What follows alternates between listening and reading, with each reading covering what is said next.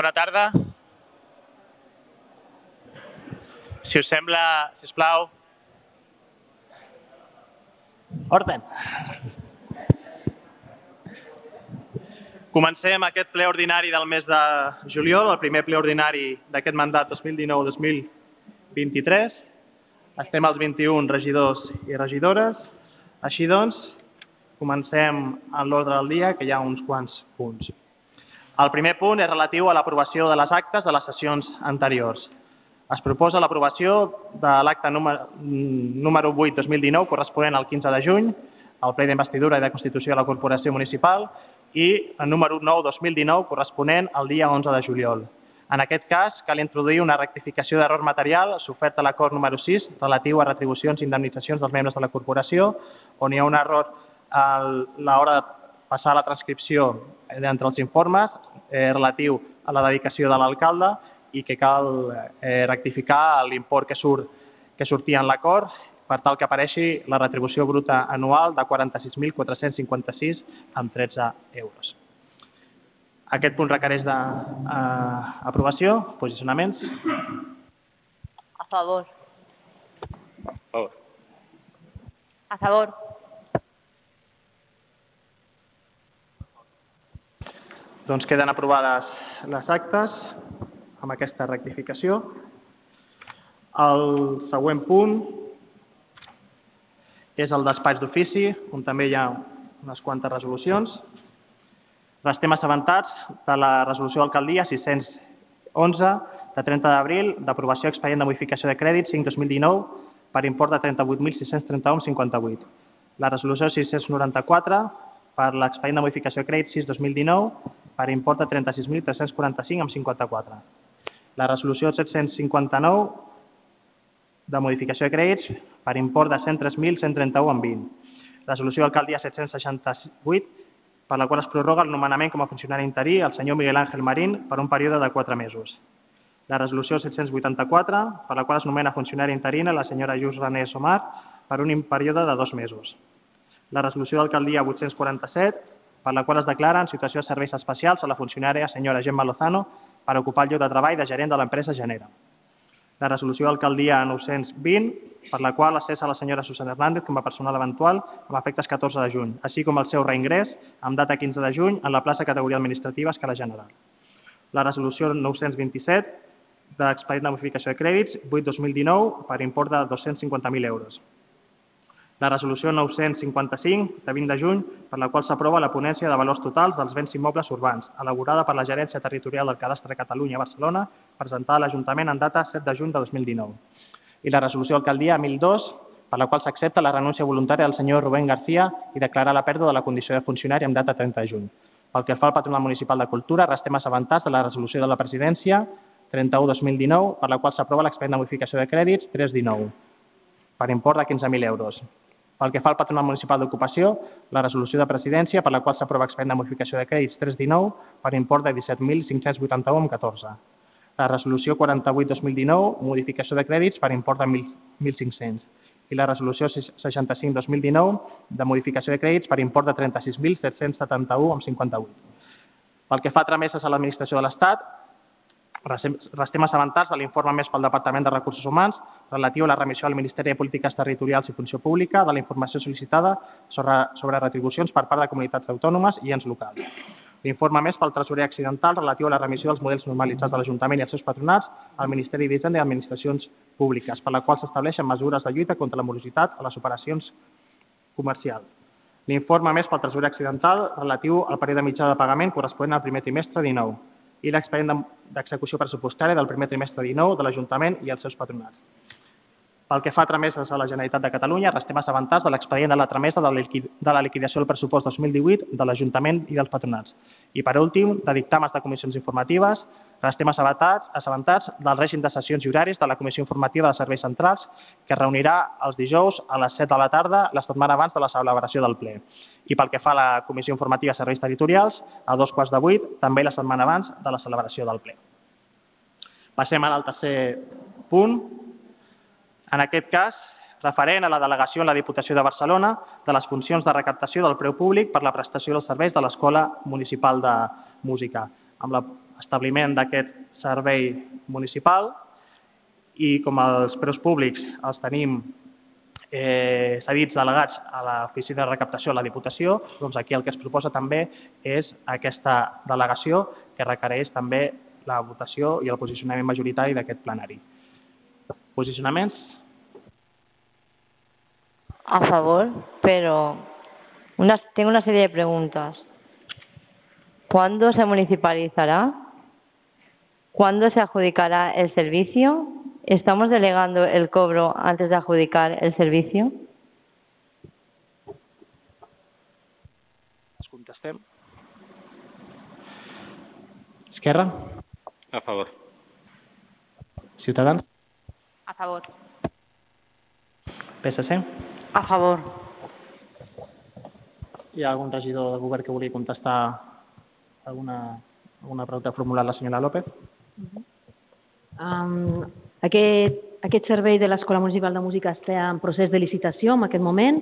La licitació està prevista que estigui per l'inici de curs i es pugui adjudicar la licitació. El que s'està fent ara és el tràmit previ per poder posar en marxa això i que quan estigui ja en marxa es pugui cobrar de la manera habitual, es pugui fer el tràmit de cobrar. Llavors, ens hem avançant, sí, perquè eh, ja es va crear també la taxa i ara el que fem és delegar-la. O sigui, el ple, no, al maig o així vam crear aquesta, aquest preu públic i ara l'estem delegant la seva tramitació per al moment que s'hagi d'efectuar la primera, doncs que ja es faci de manera adequada. En previsió de municipalització no n'hi ha cap d'aquest servei. Sí? Gracias. Molt bé, doncs queda aprovat aquest punt per unanimitat. Passem al següent punt, que si els sembla, el, del punt 4 al 6, els presentarem conjuntament, donat que fan referència a l'inici de la tramitació dels expedients de dissolució dels patronats municipals, del d'ocupació, el de cultura i el d'esport. Aquest és un dels punts més importants que s'han passat durant els últims temps per aquest ple relatiu a l'organització d'aquest Ajuntament.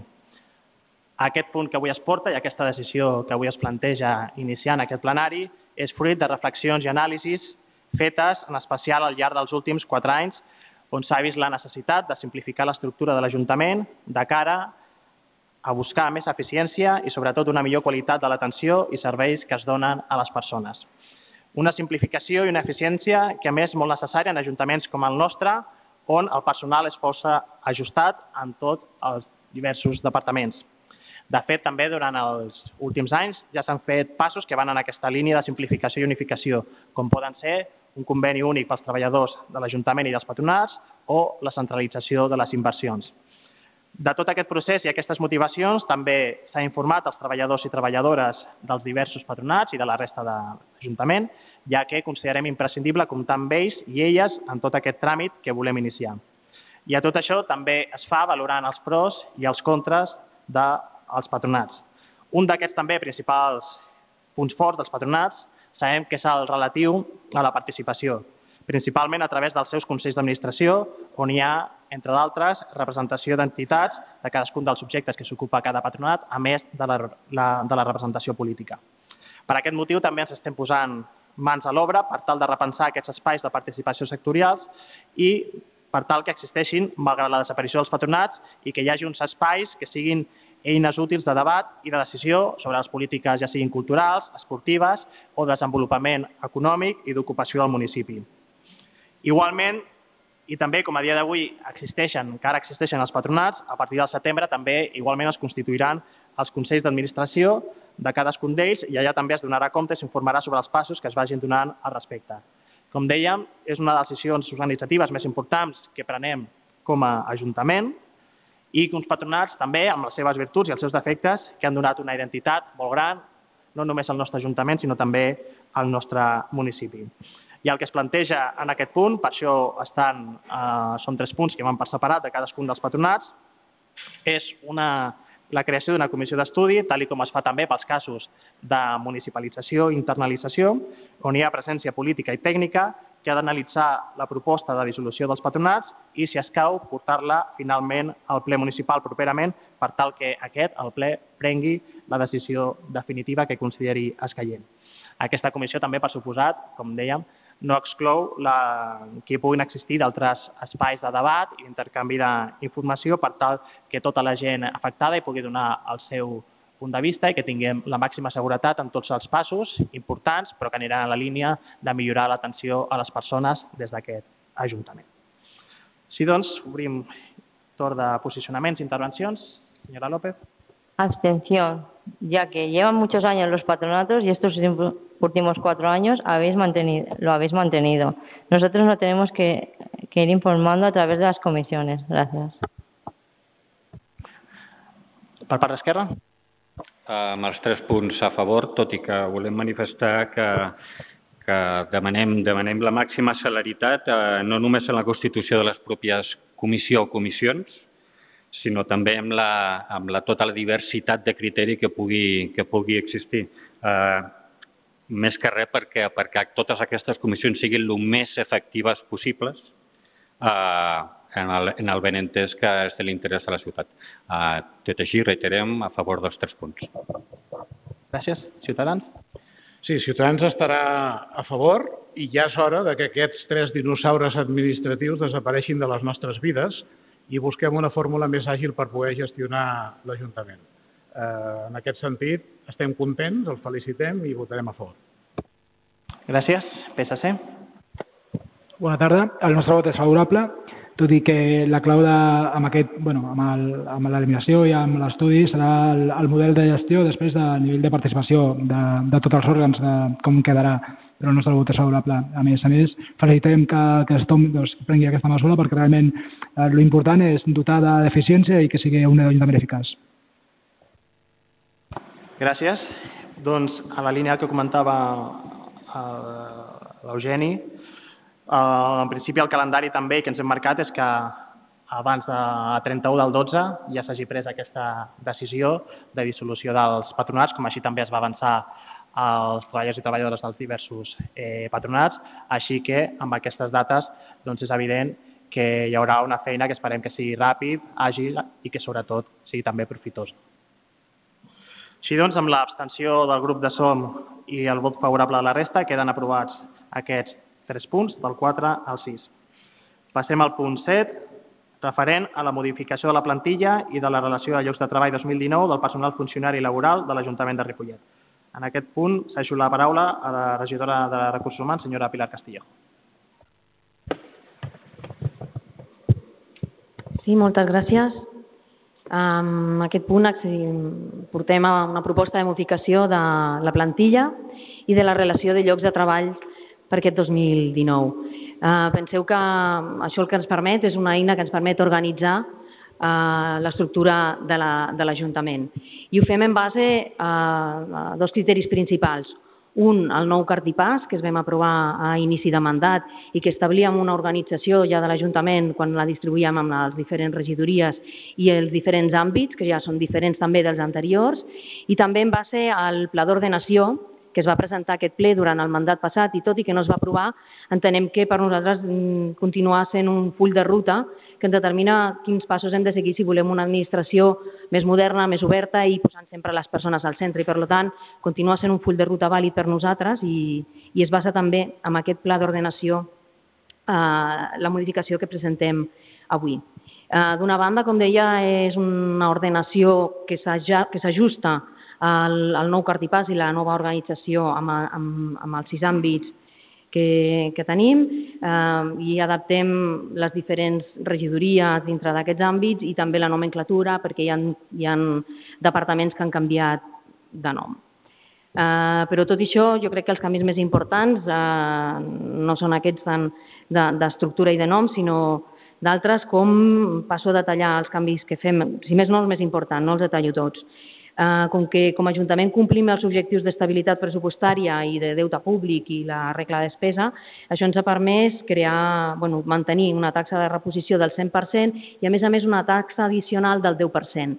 Aquesta taxa addicional vol dir que podíem, ens ha permès crear una nova plaça dintre de l'organització i la decisió que s'ha pres és destinar aquesta plaça que es pot crear al Departament d'Educació. Pensem que hem de potenciar l'educació al municipi, és un projecte prioritari i fonamental per a aquest govern i, per tant, aquesta taxa addicional la dediquem a enfortir l'estructura del Departament d'Educació. Eh, fem alguns canvis, que en cap cas significa amortitzar places, sinó en algun cas moviments. Per exemple, la brigada, aprofitem la jubilació d'un oficial eh, que es dedicava a fer tasques administratives per formalitzar això i llavors convertim aquesta plaça en una plaça administrativa per la brigada, eh, amortitzem una plaça vacant d'auxiliar tècnic i la convertim en un tècnic superior, eh, reorganitzem els efectius de comunicació i canviem el lloc de treball de periodista pel de tècnic de comunicació, mm, creem un lloc de treball de tècnic de patrimoni a l'àmbit de governança i ho fem amortitzant una plaça de, de, de coordinador de l'àmbit de, de la unitat d'igualtat. Eh, creem el cap d'unitat administrativa amortitzant una plaça d'administració.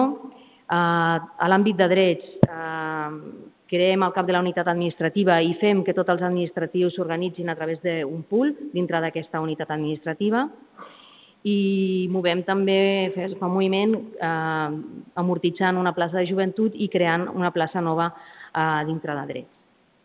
Dotem econòmicament les places d'intervenció i de tresorer amb una quantia econòmica similar a la resta d'ajuntaments del, mateix, del, mateix, del mateix índex per tal de garantir possibilitats de la cobertura en personal habilitat per l'Estat.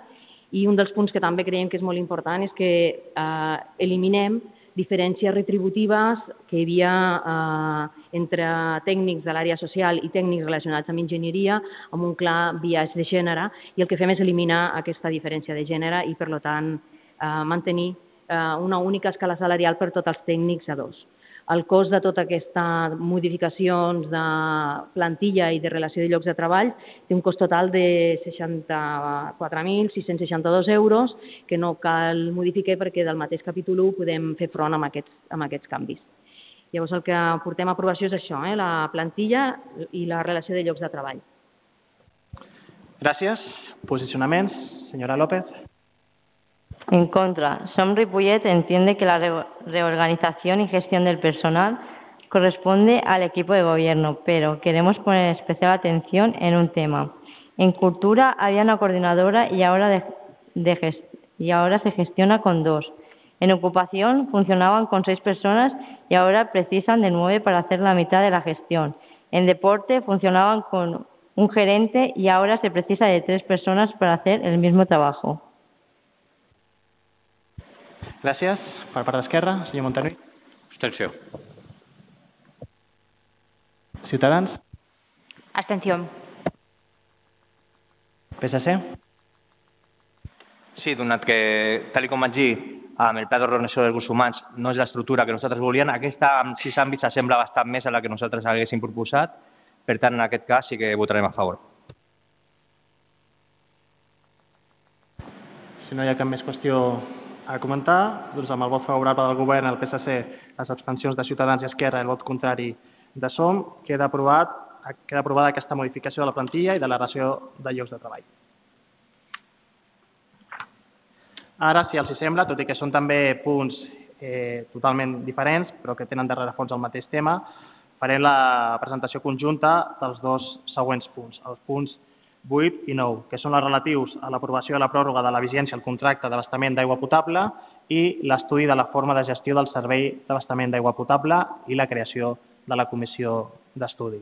Després cada grup podrà expressar el vot, si, si vol, de forma diferent. Eh, bé, com també és públic i notori, la qüestió de la municipalització de l'aigua va ser un, una de les prioritats del govern municipal durant l'anterior mandat que aquest ple també en el seu moment va decidir no tirar endavant. I aquesta prioritat ho continuarà sent, tal com ens van comprometre en el nostre programa electoral, que va obtenir un suport majoritari en les eleccions del passat maig. És per aquesta raó que en aquest primer ple ordinari portem diversos acords al respecte sobre aquesta qüestió de l'aigua.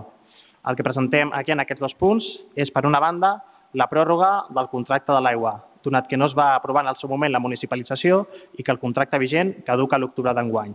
Així que es proposa, en primer lloc, acordar la seva pròrroga com a màxim fins a octubre de 2020 o fins que s'aprovi un canvi en la gestió de l'aigua. I aquest és l'altre punt que presentem, el punt número 9, relatiu a la creació de la comissió d'estudi de la forma de gestió del servei d'abastament d'aigua potable, per tal que amb la nova configuració del consistori, sorgit de les urnes del passat mes de maig, torni a fer l'anàlisi dels documents que calguin i portin a ple una proposta, si escau, de municipalització de l'aigua, tot esperant que en aquesta ocasió sí que pugui tenir un suport majoritari. entenent, com entenem nosaltres des del govern, que la gestió pública, a través de l'empresa municipal, assegura qualitat, eficiència, eficàcia, bones condicions laborals i, sobretot, una gestió oberta i democràtica d'un bé escàs com és l'aigua. Obrim torn de posicionaments dels dos punts, si els hi sembla. Senyora López. Al punt 8 a favor y al punt 9 en contra. Som Ripollet no está de acuerdo con la municipalización del agua, porque se debería re renegociar una nueva contratación del servicio y aprovechar esa negociación para pedir la sustitución de las antiguas canalizaciones de fibra, fibrocemento por tuberías metálicas. Gràcies. Per part d'Esquerra. Tant el punt 8 com el punt 9 a favor. Ciutadans. Sí, en el punt 8 Ciutadans votarà a favor, perquè està clar que tenim que prorrogar doncs, la vigència del contracte, però el punt 9, en tant que fa poc temps vam fer ja un estudi que li va costar diners a aquest Ajuntament, considerem que tenim prous criteris i nosaltres el votarem en contra. Gràcies. PSC. Sí, nosaltres al punt 8 eh, el votarem a favor. El punt 9 eh, ens abstindrem.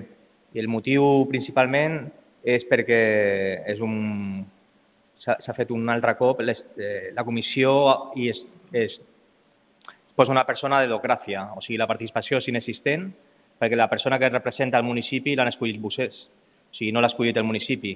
Mantenen la que ja hi havia a l'altra comissió, però en aquest cas és una altra comissió diferent, no és la mateixa i s'hauria d'haver escollit una altra persona o la mateixa, però que l'ha escollit la població. I vosaltres, a democràcia, el seu grup ha decidit que la persona continuï sent la mateixa, estem en contra, no per la persona en si, que podria haver continuat i ser la mateixa, però que l'hagués escollit el poble, i en aquest cas no l'ha escollit el poble. Sobre el debat de la municipalització de l'aigua, no, no el faré avui, òbviament, ja tindrem temps de fer-ho, ja el vam fer fa un any i el tornem a fer, si fa falta, totes les vegades que faci falta, perquè aquí el que hem de buscar és l'eficiència del servei no, i no un tema polític i no proves pilot al municipi de Ripollet. Però aquest ja el tindrem després d'un nou estudi, després de les dues conclusions dels estudis que vostès novament han tornat a contractar en, aquesta, en aquest darrer període de temps a, a una altra empresa per ampliar la informació. Tot això, aquesta informació la tindrem al nostre abast, suposo, durant aquest treball de la comissió i aleshores podrem tornar a portar al ple aquest punt i tornar-lo a debatre i aleshores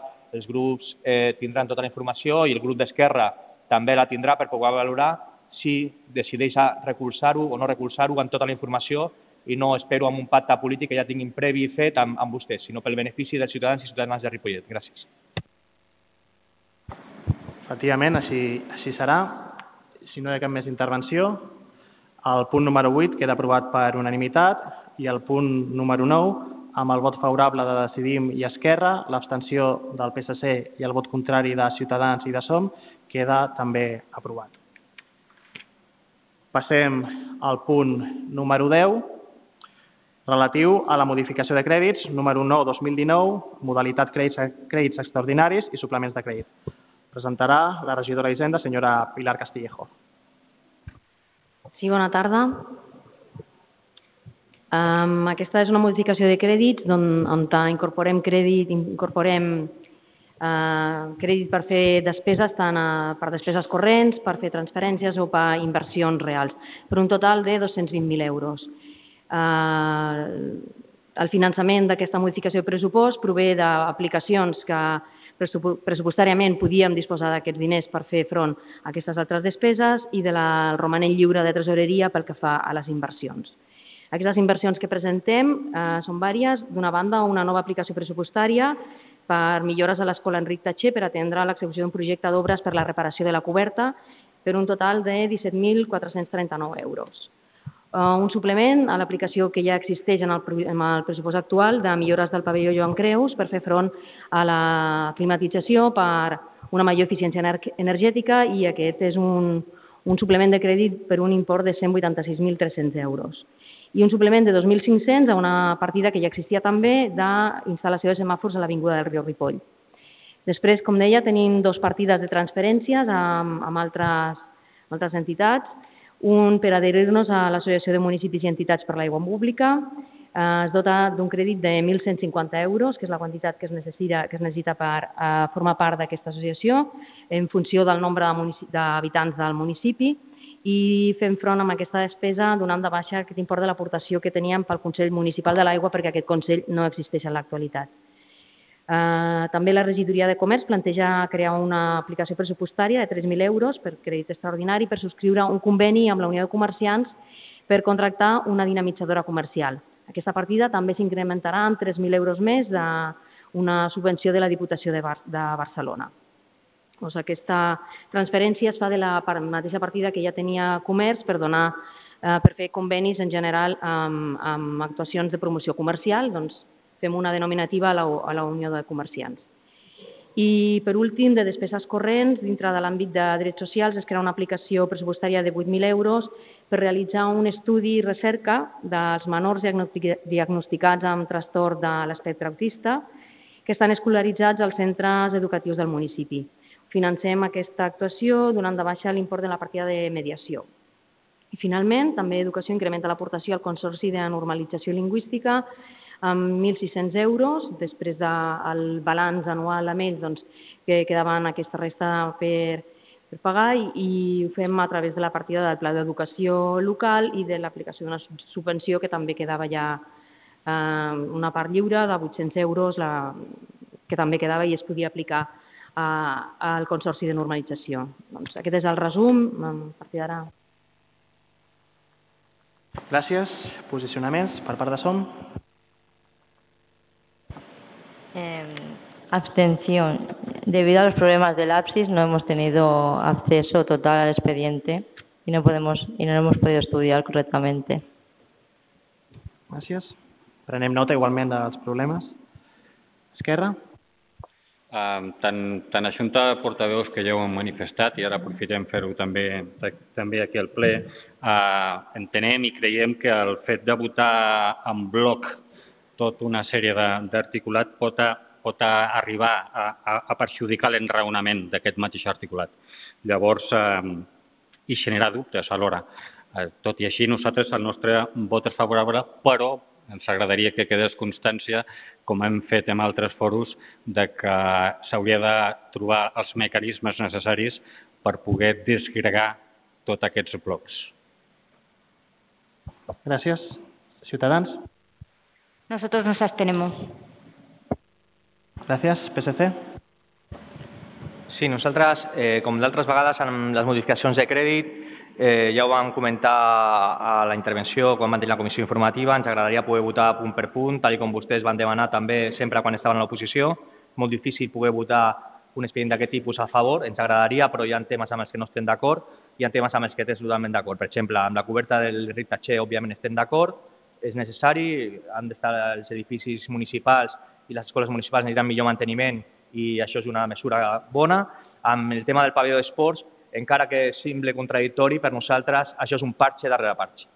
Vostès fan parxes darrere parxes al pavelló municipal. Van pintar un parxe, van fer la, el terra un parxe, ara fan això, és un parxe. Òbviament al pavelló municipal li fan falta molts parxes, però en lloc de fer un parxe, si us plau, que s'hauria de fer, que nosaltres portàvem al programa electoral, és fer una actuació integral a l'espai perquè allà no només s'ha de solucionar el tema del pavelló, s'ha de solucionar el tema de la pista anexa, s'ha de solucionar el tema del casal de l'escola d'adults i s'ha de veure tot com un tot. I allà requerim d'un projecte molt més ambiciós i no anar-nos gastant 180 i pico mil euros ara, 100.000 euros abans i al final ens haurem gastat un milió d'euros parxe rere parxe per al final d'aquí un temps haver de fer una intervenció important i haver-nos de gastar dos o tres milions d'euros o més. Aleshores, Eh, en aquest sentit, no podem recolzar-ho, tampoc ho votarem en contra perquè hi ha temes amb els que estem totalment a favor, però el tema del pavelló és un tema estratègic pel municipi que jo crec que no s'està resolvent bé per part d'aquest govern. En parxe rere parxe, no pensem en gran, que vostès ho deien, no estan pensant en gran amb el pavelló municipal de Ripollet i, per tant, ens abstindrem. Gràcies, senyor Tirado. Comentar un parell de coses. És cert el que heu comentat alguns portaveus relatius a que és una modificació de crèdits que contempla tant temes d'inversions com altres qüestions relatives a programes i a més programes molt diversos entre ells, que a més també entenc que el processament que poden tenir els grups doncs, és diferent segons el punt. També em consta que la comissió informativa la interventora també va fer eh, una intervenció relativa al per què eh, es presentava d'aquesta forma, però no obstant també per part de, de govern també pensem de forma similar al que heu assenyalat als diversos grups municipals i treballarem amb la intervenció per la mesura que, que, que sigui possible doncs, en d'altres ocasions intentar separar-ho almenys les parts que, que, que pugui dissenyar la interventora. Però, en tot cas, mirar d'analitzar si, si és possible o si, o si no ho és. Eh, pel que comentava també el senyor eh, Tirado relatiu als, als parxes, és cert, això que estem fent ara són parxes, però també és cert que l'actuació integral que segurament, i compartirem també amb vostè, que s'ha de fer al pavelló Joan Creus i la pista anexa, això no ho tindrem a curt termini, perquè s'ha de fer un bon treball de planificació, de, de fer projecte, un treball també que no sigui únicament el que vulgui el govern o el que diguem aquí en el ple, sinó crec que també seria adient poder intercanviar opinions amb els clubs i les entitats que fan moltíssim ús d'aquesta eh, instal·lació del Joan Creus i per altra banda hi ha unes necessitats que són urgents. Ara mateix, com és evident, molts de vosaltres aneu al pavelló Joan Creus, a l'estiu fa molta calor, és insuportable estar allà, i a l'estiu a vegades fa molt de fred. I jo crec que això també li hem de posar solució el més aviat possible. No podem esperar eh, 5-6 anys a que es pugui fer la proposta més ambiciosa, que és la que correspon per fer el pavelló Joan Creus, però que igualment en aquest mentrestant crec que hi ha actuacions com aquestes que són necessàries perquè a més també els clubs, les entitats que hi ha allà també ens ho reclamen. I efectivament també compartim que hem de pensar en gran i per això també tenim eh, tot aquell avantprojecte eh, gran, important, agosarat de, del poliesportiu municipal que actualment ja s'està redactant per part de l'àrea metropolitana el projecte executiu per tal que al llarg d'aquest mandat pugui començar a veure la llum aquestes, aquestes obres. Si no hi ha cap més qüestió, amb el vot favorable de Decidim i Esquerra i les abstencions de la resta, queda aprovada aquesta modificació de crèdits. Passem al següent punt, que és un punt també, és un altre punt que quedava en aquest plenari relatiu o referent a l'aigua. Aquest punt fa referència a l'adhesió a l'Associació de Municipis i Entitats per l'Aigua Pública. Es tracta d'adherir-nos a aquesta xarxa que aplega molts municipis de Catalunya, de tamany ben divers i també de colors polítics diferents, alguns que ja disposen d'aquesta gestió pública de l'aigua, però també d'altres que no. Es tracta, en definitiva, d'un espai de trobada, de debat i de difusió, de difusió, promoció i suport als municipis que volen encaminar-se a aquesta gestió pública de l'aigua. I formen part, entre d'altres, municipis com Badalona, Barberà, Barcelona, Cardedeu, Cerdanyola, El Prat, Girona, Molins de Rei, Montcada, Sabadell, Sant Boi, Santa Coloma Gramenet o Terrassa. Obrim torn de posicionaments. Senyora López. En contra. Esquerra. A favor. Ciutadans? De tots és sabut que Ciutadans no és partidari de la municipalització de l'aigua i no podem estar d'acord amb una adhesió que ens costarà doncs, 1.100 euros a l'any i per, preferiríem que es destinessin aquests diners en altres partides de tipus social. Per tant, el nostre vot és en contra. Gràcies. PSC? Sí, en contra. Doncs amb el vot contrari de SOM, Ciutadans i el PSC i el vot favorable de Decidim i d'Esquerra, queda aprovada aquesta adhesió a l'Associació de Municipis i Entitats per l'Aigua Pública. Passem al punt número 12, d'aprovació de les festes locals per l'any 2020. Aquí també seguint els acords i la tradició d'altres anys, el que es proposa com a dies festius de festes locals per l'any 2020, la segona Pasqua, que el 2020 serà dilluns 1 de juny, i també dilluns de Festa Major, que 2020 serà el 31 d'agost. Posicionaments? A favor. Esquerra a favor. Ciutadans? A favor. A favor. PSC? A favor. A favor, doncs per unanimitat queda aprovat aquest punt relatiu a les festes locals. Passem al punt número 13, referent a, la posar, a posar en disposició els terrenys limítrofs amb l'escola Martinet en favor del Departament d'Educació per transformar-lo en institut escola. Aquest punt, com podeu esbrinar, és relatiu a la posada en marxa dels dos instituts escola i que tot estigui enllestit aquest mes de setembre per començar el curs escolar amb la màxima normalitat.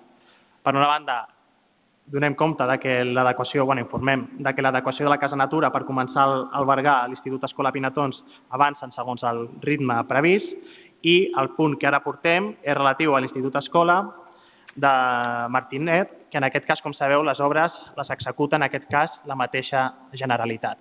Per tal de fer-ho possible, cal prendre aquests acords referents a la posada en disposició d'aquest solar per tal de fer possible la construcció que correspon fer. Obrim torn de posicionaments. A favor, a favor, pero con una serie de dudas. que Me gustaría que me respondieras.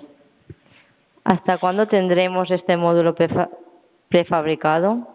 ¿Cuáles son las fechas de ejercicio de las obras? ¿Se contratará el servicio de conserje y a cargo de qué partida? Gràcies. Esquerra, Favor. Ciutadans. Sí, buenas tardes. Eh, es una propuesta la que, la que se lanza hoy al Pleno que va a favorecer al conjunto de- del municipio a nivel educativo y concretamente al, al barrio de Can Mas. Por lo tanto, nuestro voto será afirmativo. Gràcies, senyor Tàpia. PSC. A favor. Gràcies.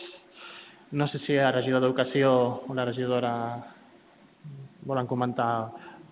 Donem la informació al fin. Coment-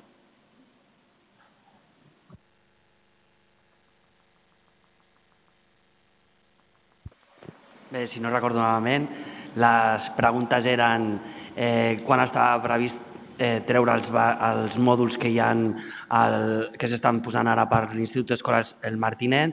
En teoria, la previsió de la construcció de l'edifici eh, està per tirar endavant durant aquests, do, eh, aquests dos primers anys. Com a molt, trigari, com a mínim, trigarien dos anys en poder, en poder, trigarien dos anys en poder veure l'Institut Escola eh, definitiu a, a l'espai del Martinet.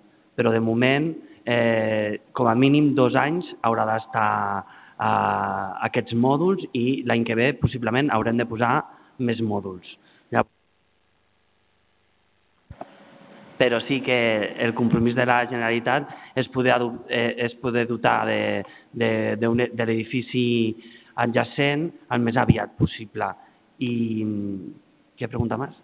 Ah, i al Consergi estem acabant i mirant les possibilitats de les negociacions entre el departament i, i, i l'Ajuntament. L'únic que aquest any el, el Martinet, a l'estar en el mateix edifici, doncs, eh, és possible que la mateixa conserge pogués assumir doncs, les, la, la, la tasca de, de conserge de l'Institut Escola.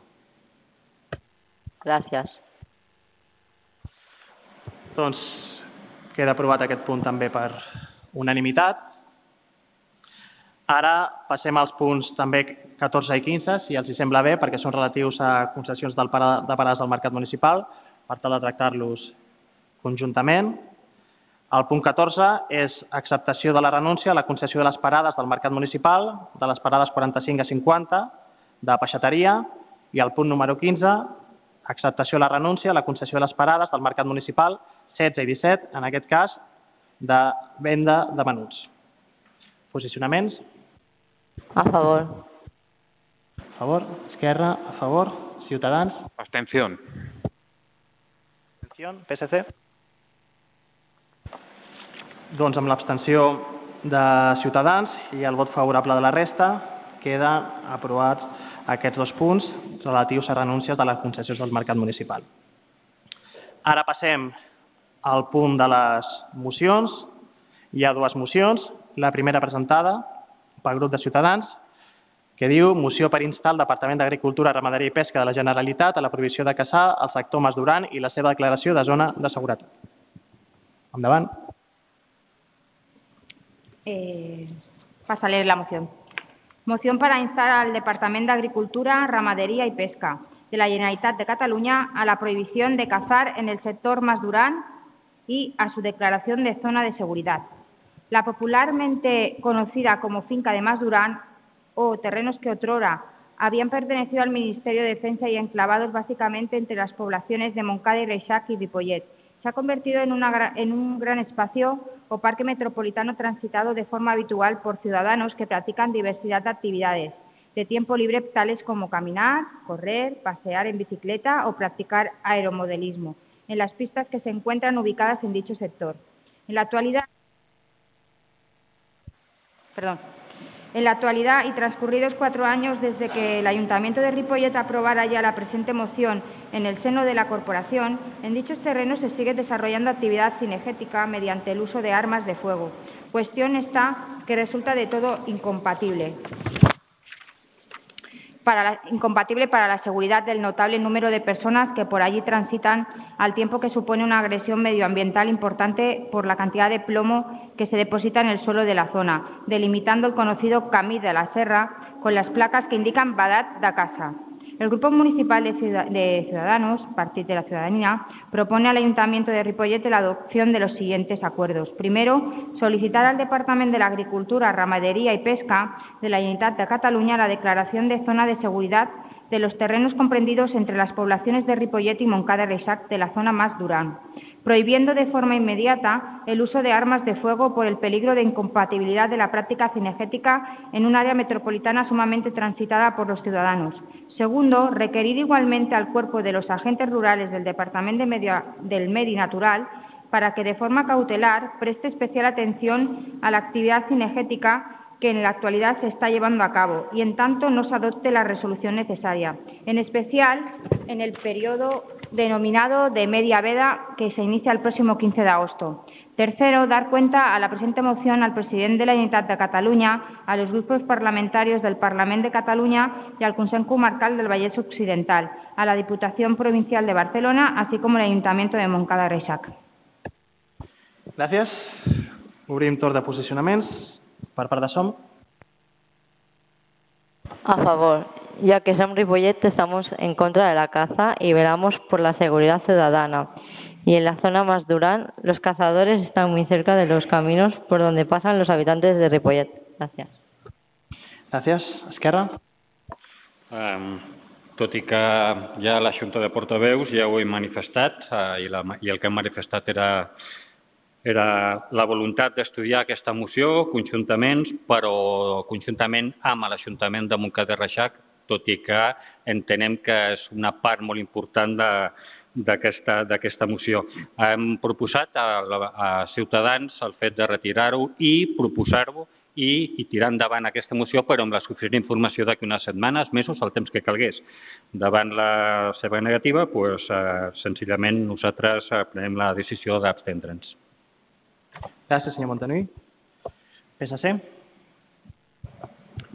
Nosaltres la votem a favor. Voldríem afegir que no només la part de Can, de Can Duran és, no? Mas Duran, que tenim companys que viuen a la zona de Pinetons, des d'allà se senten els trets molt a prop, inclús han vist caçadors a vegades a la zona dels Pinetons, al matí, molt de matinada, però bueno, és, és no només aquesta zona, per tant, creiem que sí que és necessari que es pugui parlar amb l'Ajuntament de Montcada i anar a bueno, decidir de, de prohibir aquesta zona. Moltes gràcies. Per part de Decidim, senyor Eric Plata. Sí, bona tarda.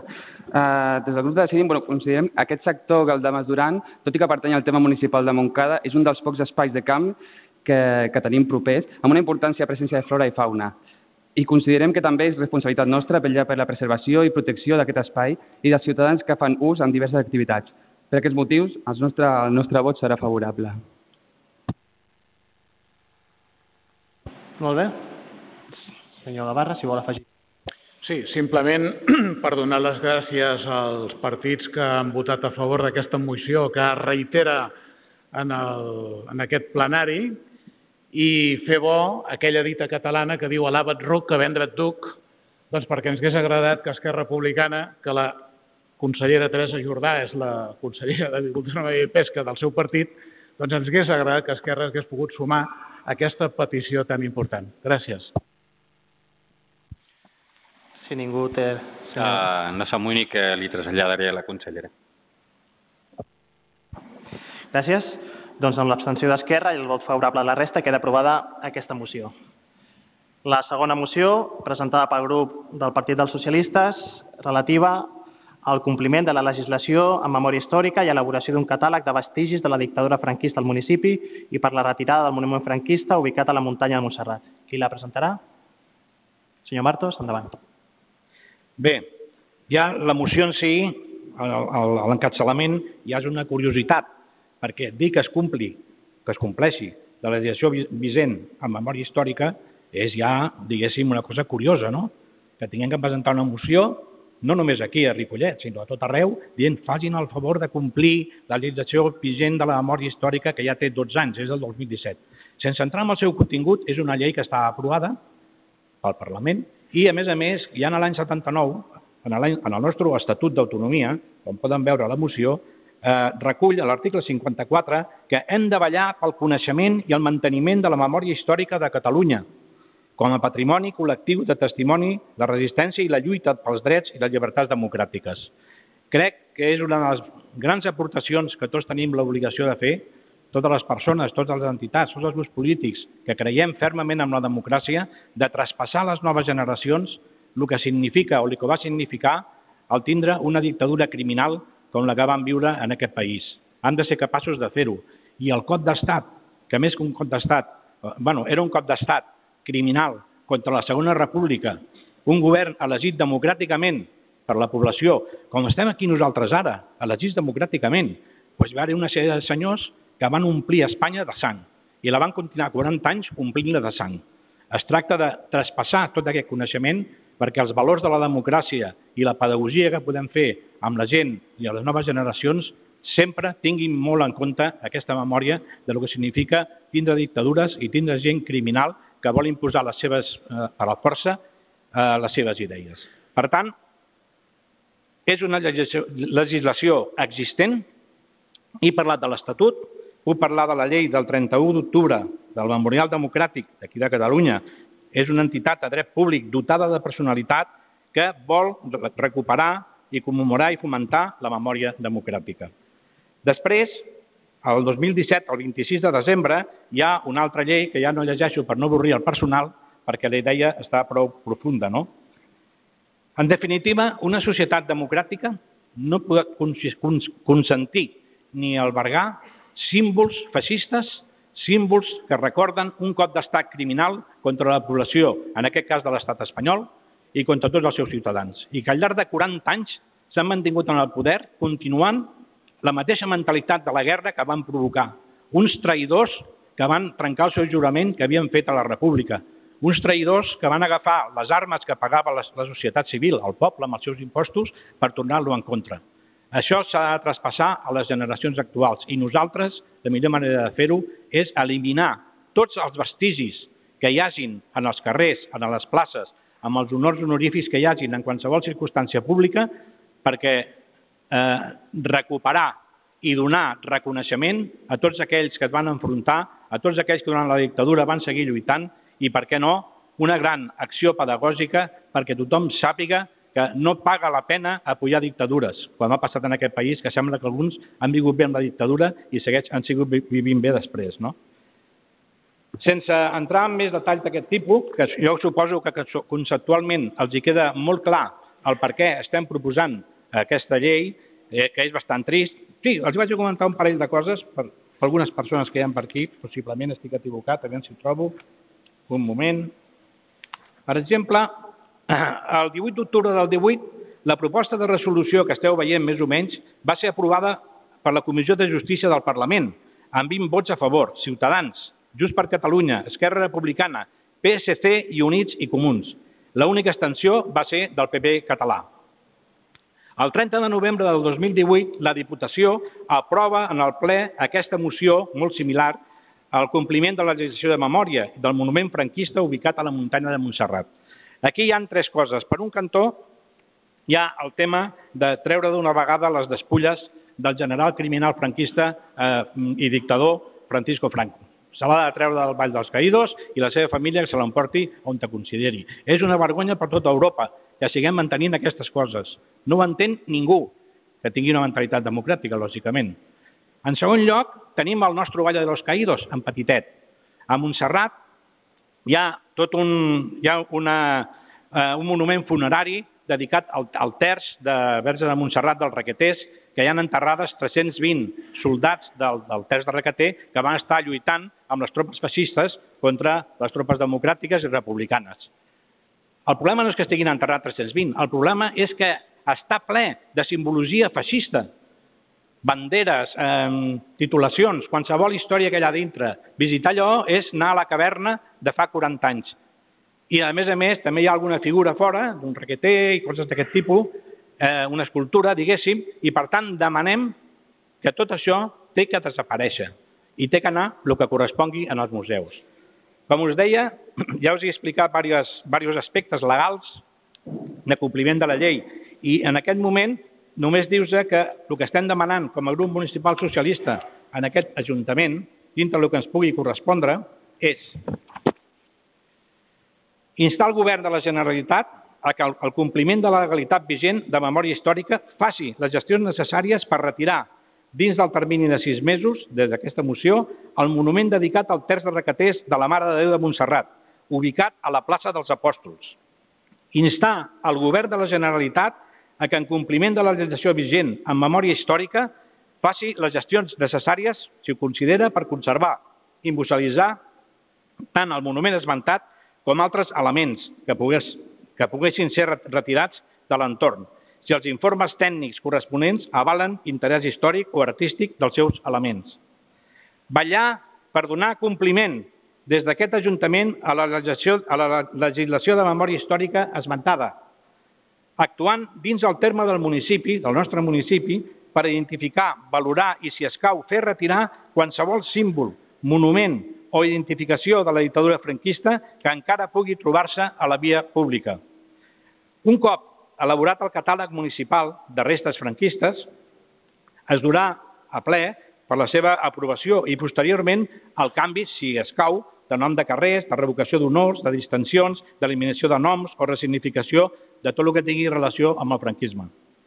Recolzar el govern de l'Estat en el seu compliment en la normativa estatal en matèria de memòria històrica, respecte als tràmits legislatius i jurídics iniciats per la retirada de la tomba del dictador Francisco Franco del recinte dels Valles de los Caídos. Això potser supera el nostre entorn, però és donar un recolz eh, de tal manera que hi hagi un fort suport perquè es porti a terme aquesta, eh, aquesta diguéssim, eh, traspàs o sortida de les despulles. Traslladar aquest acord al Govern de la Generalitat, al Parlament de Catalunya, al Monestir de Montserrat i a les entitats del municipi que vetllin per la recuperació de la memòria històrica del nostre municipi. Aquests serien el, el, els sis punts que plantegem aquí en el ple. Moltes gràcies, senyor Martos. Obrim posicionaments. Per part de A favor. Esquerra. Uh, bé, uh, avui segur que d'aquí sortirem sabent més coses que, que hem entrat. Dir que, dir que Esquerra Republicana és, és profundament antifeixista eh, resulta una, una obvietat. No només per la seva història, no només pel seu ADN, sinó pel seu present de lluita contra la repressió. Això és evident. Ens van fundar l'any 31 per lluitar contra una monarquia que ja portava anys obsoleta. L'any 34 van proclamar la república i els nostres líders van ser empresonats i l'any 36 va esclatar la guerra. Vam ser, som i serem ferms defensors d'aquella república antifeixista que la dictadura franquista va assassinar i va fer desaparèixer. No oblidem ni perdonem la mort de tants antifeixistes, un d'ells, el president de Generalitat i d'Esquerra Republicana, Lluís Companys. A dia d'avui resistim un nou atac del règim del 78 i patim les conseqüències d'una nova repressió, amb presos, amb exiliats així com gent processada i investigada. Els motius que ens diuen a no donar suport al present moció són les següents. La museïtzació d'obres d'escultures de policia franquista per qüestions d'orgull i dignitat demòcrata i republicana, així com pel poc valor artístic d'aquestes obres. Considerem que no han de ser conservades ni museïtzades, estalviant-nos el cost econòmic que això suposa. Dos, l'extramilització de les competències de l'Ajuntament de Ripollet. Considerem que tot allò relatiu a les qüestions de memòria històrica en el municipi de Monistrol de Montserrat pertoquen actuar al propi municipi o, en tot cas, a la Generalitat de Catalunya, però en cap cas a nosaltres, ja que no ens afecta de manera directa i suposa una intromoció a la política del propi municipi. 3. La moció per la per a la dignificació i feminització del nomenclàtor municipal presentada pel jovent republicà ja incluïa el quart acord de la moció. De fet, l'ampliava i proposava la creació d'una comissió que regulés tot el procés. El grup municipal que ara està presentant aquesta moció no va veure adient recolzar-la. De fet, això tots ho recordem. A més, el govern de Decidim no va presentar una proposta de reglament fins poques setmanes abans de l'últim ple municipal, un reglament que incomplia acords de la moció presentada. Per això, els proposem la presentació conjunta d'una moció amb les mateixes característiques per tal de treballar el més aviat possible un reglament per modificar el nomenclàtor municipal. 4. L'expoli patrimonial públic per part de la cúpula franquista com de la pròpia família Franco. Considerem que es tracta de quelcom fonamental per reparar la nostra història i no queda pas recollit amb aquesta moció. Per tots aquests motius, el nostre vot serà d'abstenció. Compartim el fons del contingut de la moció, però no les formes. I, a més, considerem que certes formacions haurien de defensar amb més fermesa el que tots anomenem memòria històrica. Gràcies. Gràcies. Per part de Ciutadans? Sí, Ciutadans votarà a favor de la moció, però seguint un principi del nostre partit i considerant que realment aquell període va ser, i perdoni l'expressió, una merda, considerem per principi que remenar la merda fa pudor. Ciutadans no defensa ni tocar els morts, ni plantejar-nos reformes de la història. Es carreguen de raó amb la moció i la votarem a favor, repeteixo, però no som partidaris d'un revisionisme per tal de que les generacions venideres puguin ensumar la pudor d'aquella època. Per tant, aquest és el nostre posicionament. A favor. Gràcies. Per part de Decidim, senyor Pablo López.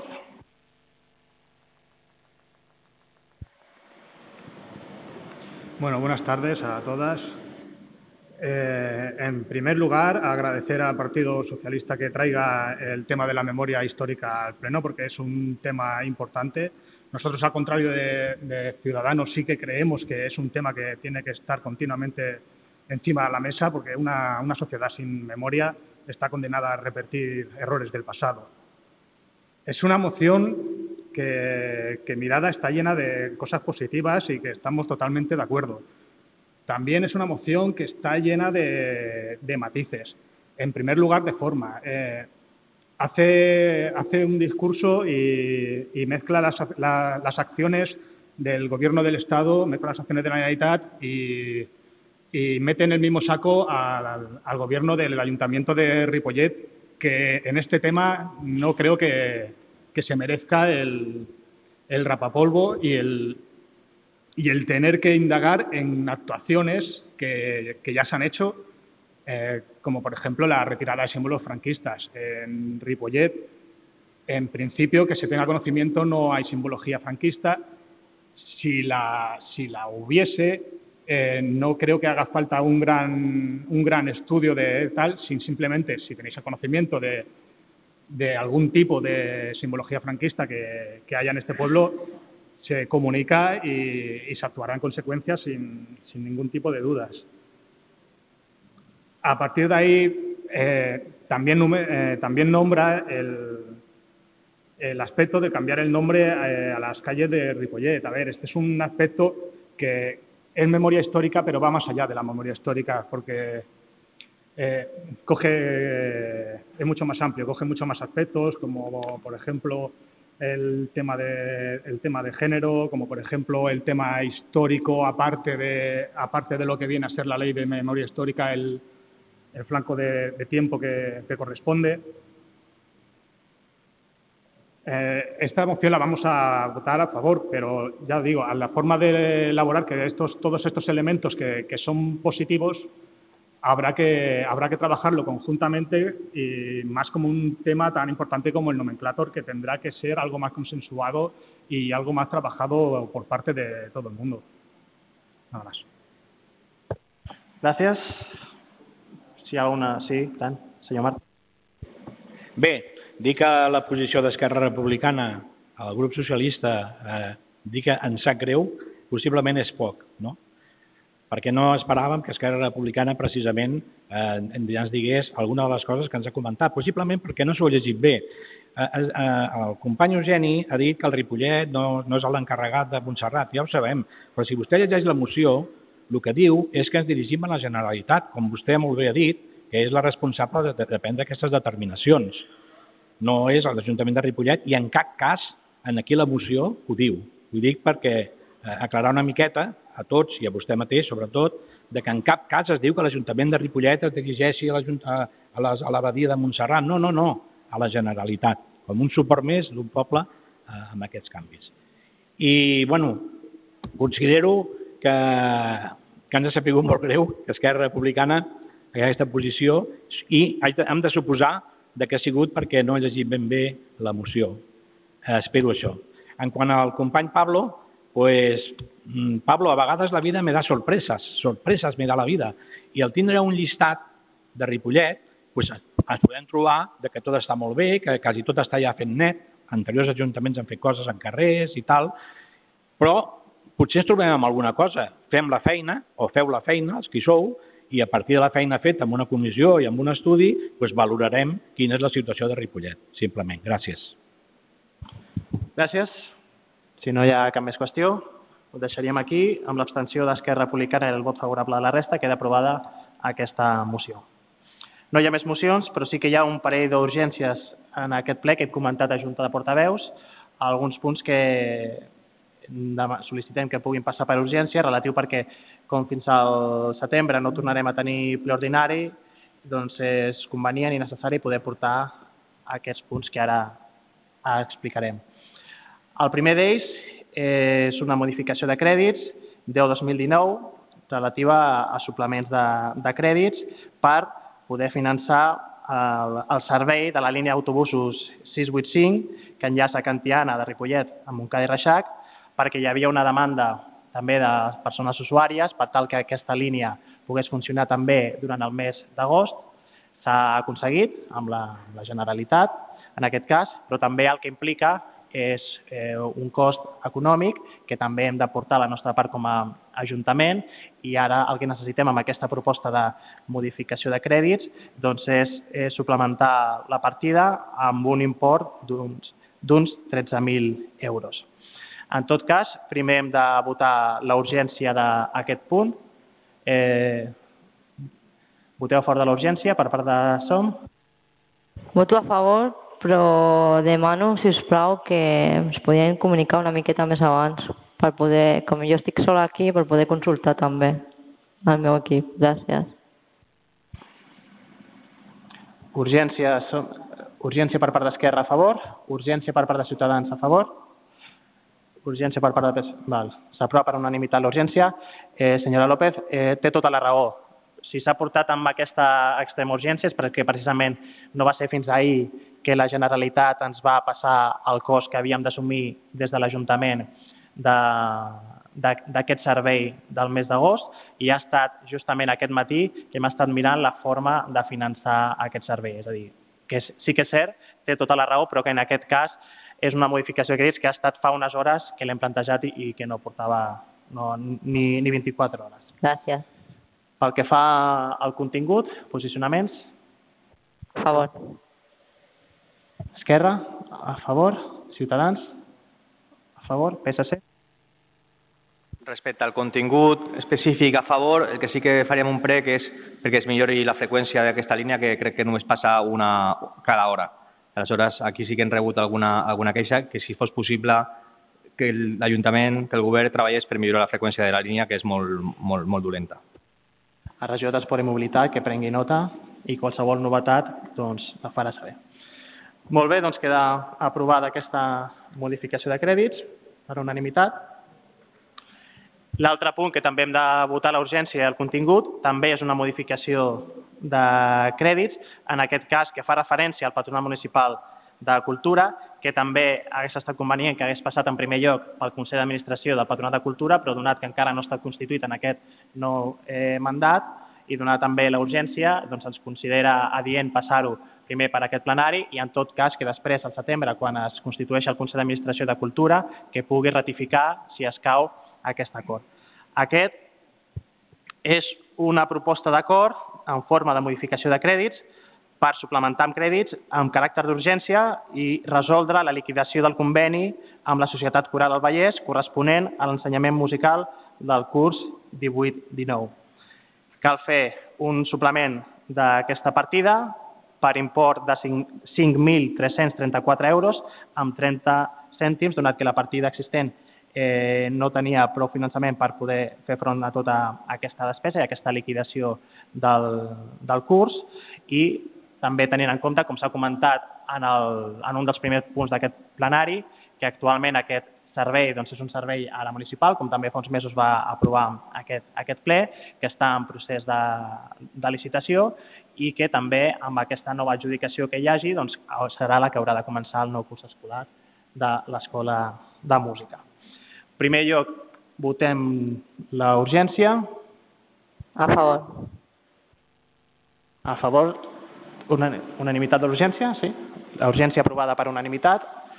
I del contingut, senyora Melody? A favor. Esquerra, a favor.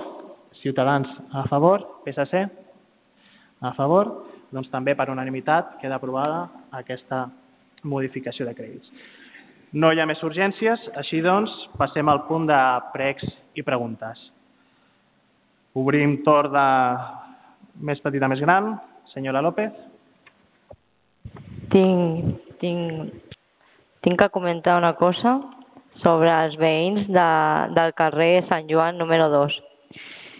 Tengo la queja de los vecinos que, ha, que han hecho varias instancias firmadas para que reubiquen unos contenedores de, la, de, esta calle, de esta misma calle, la San Juan número 2, a unos 20 metros más para abajo a la altura del solar, o incluso se podrían poner en el solar ya que con los olores y la acumulación de insectos no pueden ni abrir sus propias ventanas.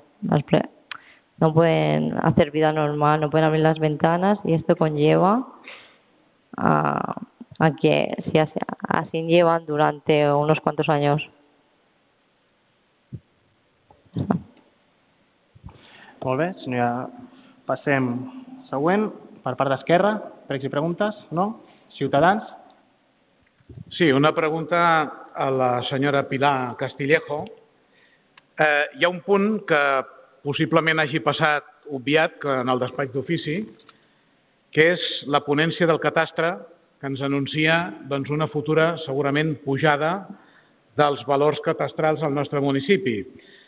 Eh, evidentment, això és un criteri d'oportunitat política, ja que l'última va ser l'any 2001, i és a l'inici de la legislatura on ens trobarem segurament doncs, amb aquesta entrebanc que farà que pugin els valors dels rebuts de l'IBI d'aquest Ajuntament. Volíem preguntar-li a la senyora regidora si això és una crònica d'un atracament anunciat i quin impacte tindrà sobre el rebut de l'IBI dels ciutadans aquesta pujada a l'alça dels valors catastrals.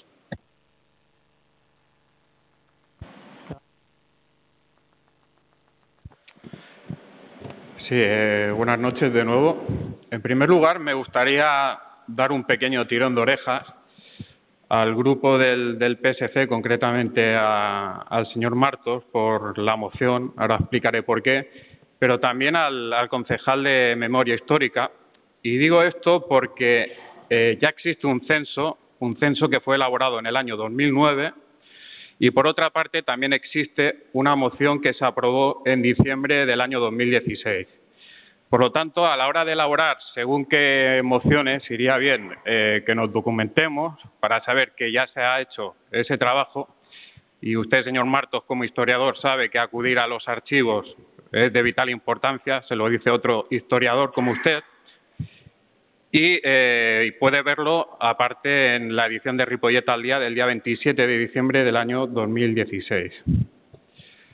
Por otra parte, eh, cambiando de tema, eh, varios vecinos eh, que viven en los aledaños del Parc Pinetons nos han hecho llegar varias quejas relacionadas con el ruido eh, que se produce por las noches a causa, entre otras cosas, del de botellón.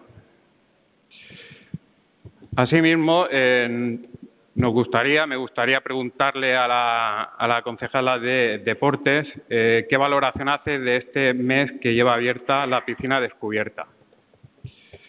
Asimismo, el, señor alcalde nos ha dado eh, nos ha dado un poco de información relacionada con el proyecto del polideportivo. También nos gustaría saber si puede bueno, elaborar una respuesta más eh, fundamentada, más elaborada en ese, en ese sentido. Asimismo, eh, como saben todos, eh, Ripollet se, encuentra hermanada con dos ciudades, con dos municipios, Arbillé en Francia y Caniles en Granada. Desde Ciudadanos queremos saber si en esta legislatura el Gobierno va a potenciar, eh, de la manera que considere oportuna, el hermanamiento con ambas ciudades municipios. Asimismo, eh, nos gustaría saber también si a lo largo de este mes y pico ha habido alguna novedad en cuanto a la residencia. Y para finalizar, eh, nos gustaría hacerle una petición al concejal de comunicación, al señor Mor, para que se potencie el debate en Ripollet Radio.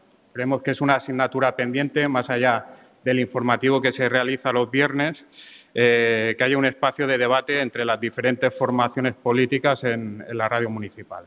Gràcies. PSC? Bueno, com és una al·lusió directa, entenc que sí que... Però en tot cas... No, ràpid.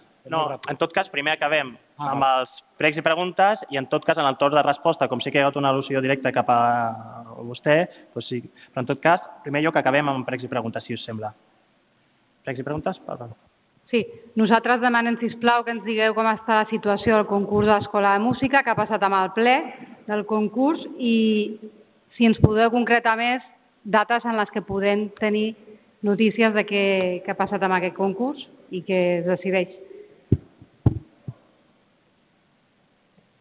Ah, fem les preguntes. Sí, bueno, la meva pregunta necessita un context per entendre's. Si m'ho permeten, el diré el context. Dia 17 d'aquest mes, truco a l'Ajuntament preguntant per una, per una funcionària que teníem una cosa que teníem que arreglar, em passen, a la em passen al telèfon on hi estava la funcionària o el funcionari i mm, no contesten. Automàticament es perd la, la trucada, no s'hi posa ningú més. Bueno. Al cap d'un rato torno a trucar i li dic, quan agafa el telèfon, sóc el mateix que he trucat fa un quart d'hora o 20 minuts que estic preguntant per tal. Bueno, pues és que possiblement estigui esmorzant. Bueno, jo ja sé que l'esmorzar a la universitat ja era molt important.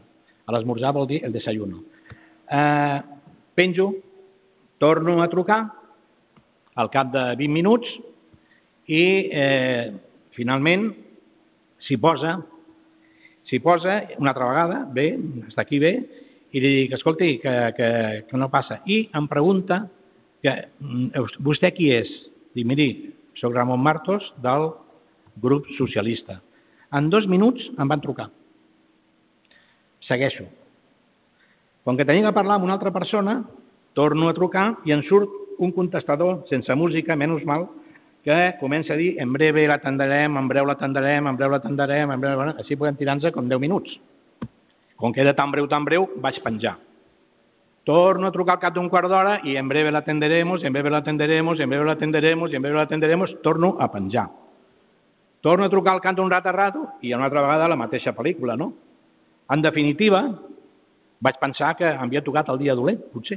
Vaig baixar a peu a l'Ajuntament, vaig vindre cap aquí, a l'oficina d'atenció al, al, consumidor, a l'OA, com se digui, i, casualitat, vaig parlar amb una persona i em va dir del telèfon que m'havia agafat que estava mancat de recursos, que hi havia molta gent que trucava i tal. Bueno, I me n'entero que hi ha un contracte amb Telefònica que fa que la nostra instal·lació, diguéssim, de servei a les trucades dels ciutadans sigui aquesta que és i que, és que això no es pot tocar res ni es pot fer res fins dintre d'aquí un any.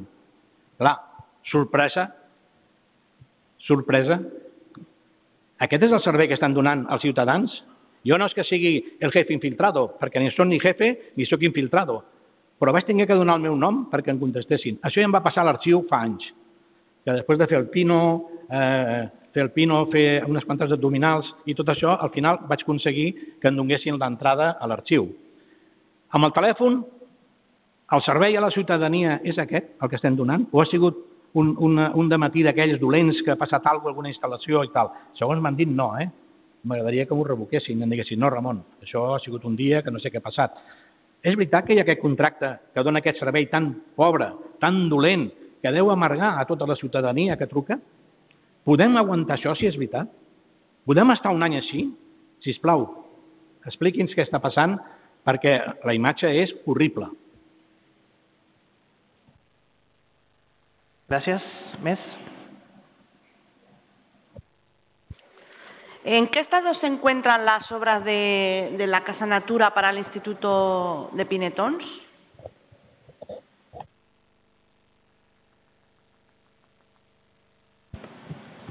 Hola, bona tarda. Mira, ens hem assabentat que el mercat municipal tancarà durant dues setmanes per fer unes obres de manteniment. Llavors, quin tipus d'obres eh, requereix perquè tinguin l'obligació tots els paradistes de tancar amb tot el cost que això repercuteix amb, amb ells, eh, per això, quin tipus d'obres necessita per tancar. ¿vale? Sí, jo tinc un prec eh, que he tingut l'oportunitat, hem tingut l'oportunitat de reunir-nos amb els veïns del carrer Tamarí 122, 124, 126. Ens han comentat alguns veïns d'aquests edificis que tenen els contenidors just davant del Parc Primer de Maig, que si seria possible que es revisés la situació d'aquests contenidors i anéssim una mica més cap al polígon. Al polígon refereixo res, al, cap a on està la petanca del Parc Primer de Maig, que ja no molestaria tant als veïns perquè sembla ser que passen els camions molt d'hora, els desperten, fa mala olor ara amb l'estiu i només seria moure els contenidors uns 40 metres més, més cap a la part de baix del parc. Si no hi ha cap més qüestió, comencem per les respostes. Bé, en primer lloc, senyor Martos, per al·lusions que l'havien fet. Per al·lusions que li havia fet al senyor Tàpia abans, si vol contestar. Sí, no, només una aclaració al, al senyor de Ciutadans Tàpia, perquè a més a més ell és més veterano que jo aquí.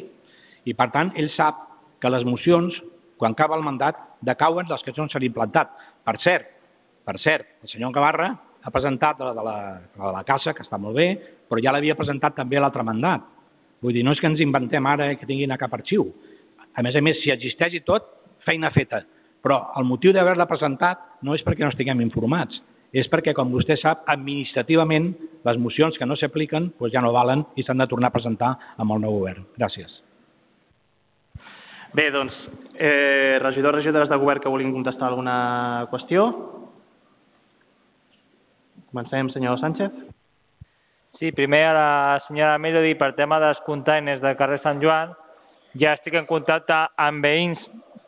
Em van escriure l'altre dia comentant aquest tema i el tema que ens passa amb aquest carrer, amb aquests containers, és que on estaven, on estaven antigament també hi havia problemes amb veïns per tema d'olors es va fer aquest canvi, sembla ser que també hi ha problemes, llavors s'està estudiant una ubicació adient, com vostè comenta, una ubicació pot ser solar, bueno, s'està estudiant la manera i, i estan a sobre del tema.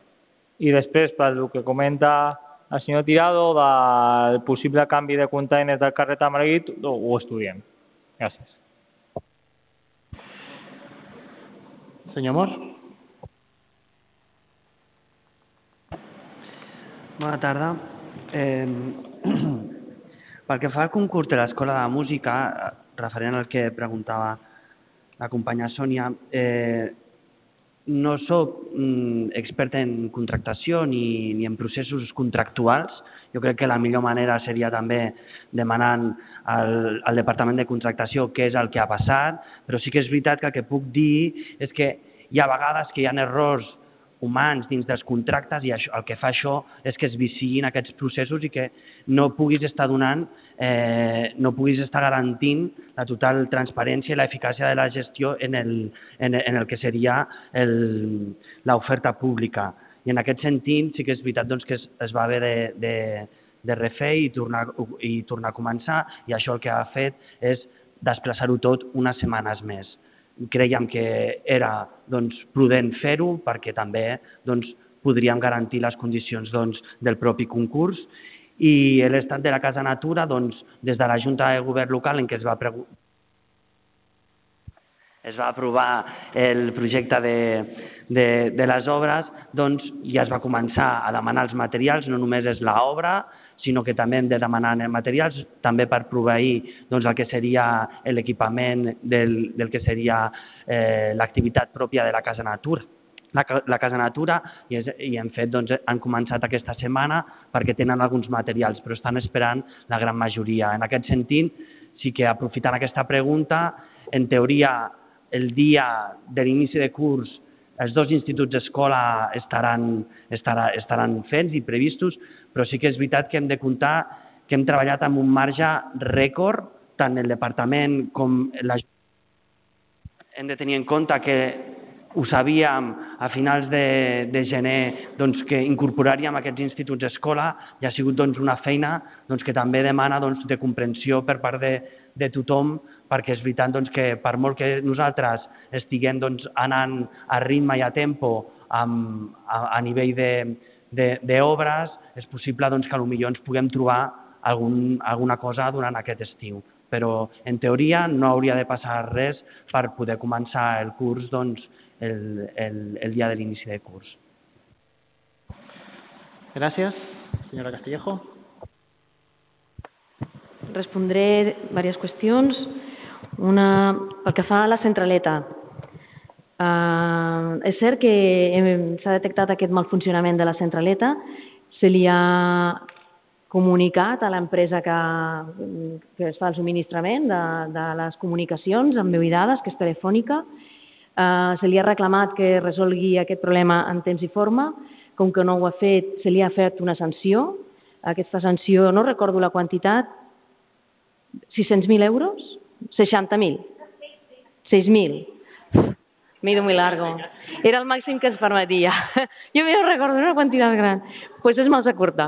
Bueno, vam fer la quantitat aquesta. El màxim que ens permetia perquè era un percentatge del total del, del, de l'import del contracte. O sigui, el màxim que ens permetia perquè és això, un percentatge del valor del contracte. Uh, l'estem requerint, per tant no hem d'esperar un any, nosaltres estem requerint que se solucioni un problema tècnic que ells han reconegut que tenen i estem, uh, quan, com que no ho han resolt amb el termini adient, doncs els hem posat la sanció que la llei ens permet. Els estem contínuament seguint, però no vol dir que estiguem plegats de braços, sinó que estem perseguint aquest problema perquè és un problema tècnic i l'han de, de resoldre si són capaços de tecnològicament fer-ho amb la tecnologia que tenim, doncs que ho facin, i si no, l'han de substituir per un altre model que ells siguin tecnològicament capaços de, de portar. Però estem a sobre i és veritat que és un, és un problema greu no poder atendre bé la centraleta. I estem molt a sobre, eh? o sigui, estem, estem resseguint aquest problema i no estem quiets, sinó que estem perseguint telefònica amb totes les eines de què disposem per poder eh, obligar-los a, que, a que milloren el servei, a que donen el servei amb la qualitat que, que hem de tenir eh, per que fa eh, les dues setmanes del tancament del mercat. Eh, durant, jo crec que va ser durant el 2017 o 18, ara no recordo, es va aprovar un nou reglament del mercat, un reglament que vam estar treballant durant un any amb, amb els paradistes, eh, veníem d'un reglament bastant antic i bueno, vam tocar amb aquest reglament diverses qüestions. Un reglament que va ser consensuat eh, amb tots els paradistes, treballat de mà en mà de les dues associacions de venedors del mercat i, entre altres coses, aquesta, aquest, aquest reglament, que es va, va ser aprovat de manera inicial i de manera final amb aquest ple sense cap al·legació per part de ningú, entre altres coses, eh, reordenàvem la manera de fer vacances. No? Fins ara el que es feia era, es posaven d'acord per torns per fer vacances entre els paradistes, cosa que sempre era una font de problemes inesgotable, perquè aquí li tocava el primer torn, aquí li tocava el segon, aquí li tocava el tercer. Vam consensuar entre tots tancar durant 15 dies. Com a Ajuntament ja ens estava bé, només tenim dos treballadors amb aquell servei i això ens permetia millorar les vacances i vam dir, a més a més, podem aprofitar i fer els manteniments aprofitant que tenim el, eh, això. El que fem és, cada any amb el calendari s'acorda quin, quin, el període d'inici i final d'aquests 15 dies, però és el que recull el reglament del mercat. Per tant, és un tema consensuat amb tothom i recollit amb aquest reglament. Eh, en el moment de la posada en, en marxa, és cert que alguns paradistes han dit que doncs que no havien entès que això formava part del reglament.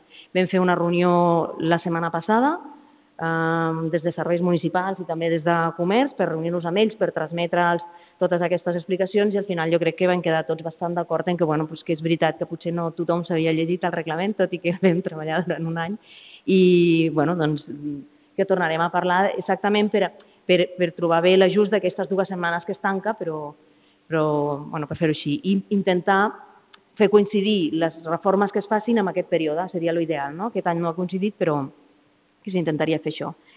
I per últim, pel que fa amb la ponència de valors cadastrals que ha aprovat la gerència de, del cadastre. Eh, és cert que, que l'última ponència era de, 2000, de 2001, que la llei recomana que com a màxim es faci cada 10 anys i que per tant la, la ponència estava molt desfasada Eh, hi ha moviments a, a l'alça i a la baixa, hi ha, hi ha moviments de tot, del, pel que hem pogut veure de, de les dades que ens ha facilitat el cadastre. Eh, I és veritat que els habitatges bàsicament els hi afecta a l'alça, amb, amb l'alça del valor, el valor cadastral de, dels habitatges.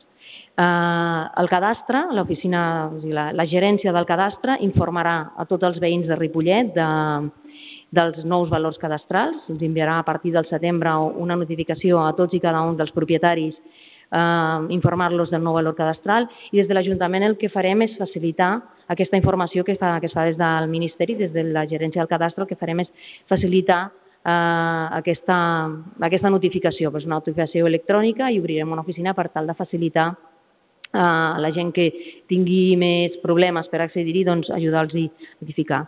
Pel que fa a quina repercussió tindrà això amb, amb l'impost dels béns immobles dels, dels ciutadans, nosaltres el que, el que oferim és emplaçar a tots els grups polítics a parlar sobre aquest tema a partir del setembre i veure doncs, de quina manera eh, podem, podem treballar, de quina manera hem de fer front amb aquest, amb aquest augment dels valors cadastrals, no? de quina manera eh, hi ha una part d'augment que, que haurà d'arribar i en quin moment podem fer nosaltres des de l'Ajuntament, però també de quines eines disposem per poder, no? per poder jugar amb aquest, eh, amb, aquests, amb, aquests, amb aquest impost, no? de, de manera que ens permeti eh, facilitar un augment raonable, un augment que sigui sostingut i que sigui ajustat pel ciutadà de Ripollet. I el que fem això, emplaçar-vos a tots al setembre a seure amb totes les dades i treballar de quina manera podem des de l'Ajuntament esmorteir eh, al llarg dels anys aquesta, aquest increment. ¿vale? Señora Guijarro.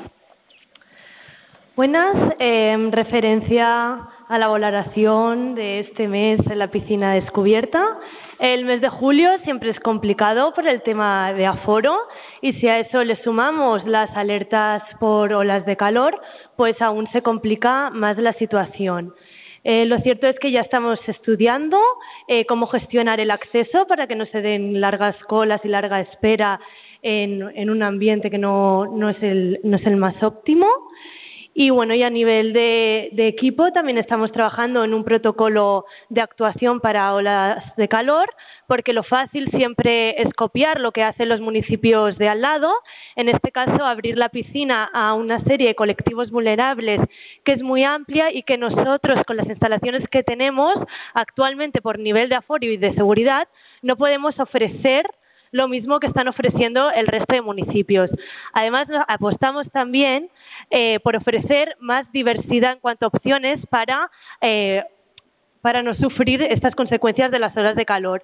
Y entendemos que motivar a la gente a ir a la piscina cuando la alerta por horas de calor lo que, lo que te dice es que en horas puntuales de máximo calor estés en casa o en espacios eh, de temperaturas óptimas, entendemos que es contrario enviar a la gente a la piscina a refrescarse en esas horas puntuales. Y bueno, eh, lo siguiente que comentabas del tema del proyecto del polideportivo, eh, actualmente están elaborando el proyecto ejecutivo, que es eh, más o menos, nos han comentado que serán unos 11 meses de, de, redacción del proyecto ejecutivo. Luego tiene que estar en concurso, bueno, abierto públicamente a exposición un año. Y los datos que nos han, que nos han más o menos informado es que podría eh, todo este trámite, el proyecto ejecutivo, la elaboración del proyecto, el concurso y la primera fase del proyecto unos tres años y medio. Esa es la información que tenemos de momento. Molt bé, gràcies, Andrea. Doncs, per part meva, diria que només eh, un parell de qüestions. En primer lloc, sobretot també com a responsable de, de la policia local, pel cas de les queixes de soroll del parc de Pinatons, els mesos d'estiu de, hi ha més gent que surt al, al carrer, fa més ús, per tant, de l'espai públic i és habitual a Ripollet i a tot arreu que hi hagin també més queixes i més incidències al respecte. Al Parc Pinatons, al Parc eh, Gasso Vargas o d'altres espais puntuals o també establiments, eh, bars que tenen també els, els balladors al carrer. Això són queixes habituals també als estius. No obstant, també des de policia local, des de fa un parell d'anys, cada estiu també es posa en marxa un, un dispositiu molt, molt important d'agents que en aquestes hores eh, es desplacen en aquests espais que en principi són els que reben més queixes i aquests agents no només hi van, sinó que baixen dels seus vehicles policials i també van a, a parlar amb les persones que hi siguin allà per traslladar la, les queixes que reben i per procurar que es mantingui també el clima també de descans a les hores que, que correspon. És un tema, com dic, eh, recurrent, que les queixes també ens arriben a nosaltres d'alguns espais concrets. Cada any, depèn l'any, les queixes arriben més concentrades a un parc, a un altre, a un indret o un altre del, del municipi, però que des de l'Ajuntament, des de Policia Local s'està al cas i també eh, amb, amb el regidor de Joventut també estem començant a parlar i a, i a treballar possibles nous projectes per eh, futurs eh, estius de cara a que puguin establir-se, que puguin haver eh, figures de persones que puguin eh, també estar presents en aquells espais, mediar, dinamitzar aquells espais per minimitzar en tot cas l'impacte de queixes que pugui tenir envers els, els veïns. Respecte també a la residència, sí que estem eh, treballant amb, amb aquestes qüestions. És un dels principals prioritats, com també sap, de mandat d'aquest govern i entenc també que de tot el, el, el consistori i estan havent alguns avenços, tant pel que fa a la signatura del conveni com també pel que fa a passos que s'han de donar relatius a nous tràmits, d'estudis de viabilitat econòmica eh, però que els estem acabant de tancar i jo crec que potser principis mitjans de setembre sí que podem donar una informació més concreta de tot allò que, que hem aconseguit, el que, el que tenim fins ara i quins són els propers passos um, a donar. Al setembre, a principis mitjans, us donem una informació molt més concreta del que s'està fent i del que es porta fent també en aquest primer mes de, de mandat. Eh, queda alguna qüestió més per contestar, però en tot cas que ja serà contestada en el proper ple o abans per, per escrit. No hi ha cap més qüestió a l'ordre de, del dia. Així doncs, donem per finalitzat aquest ple del mes de juliol i, per tant, desitgem a tots i a totes que passeu un bon estiu i unes bones vacances i ens emplacem a la Festa Major de Ripollet. Així doncs, fins a llavors i a gaudir.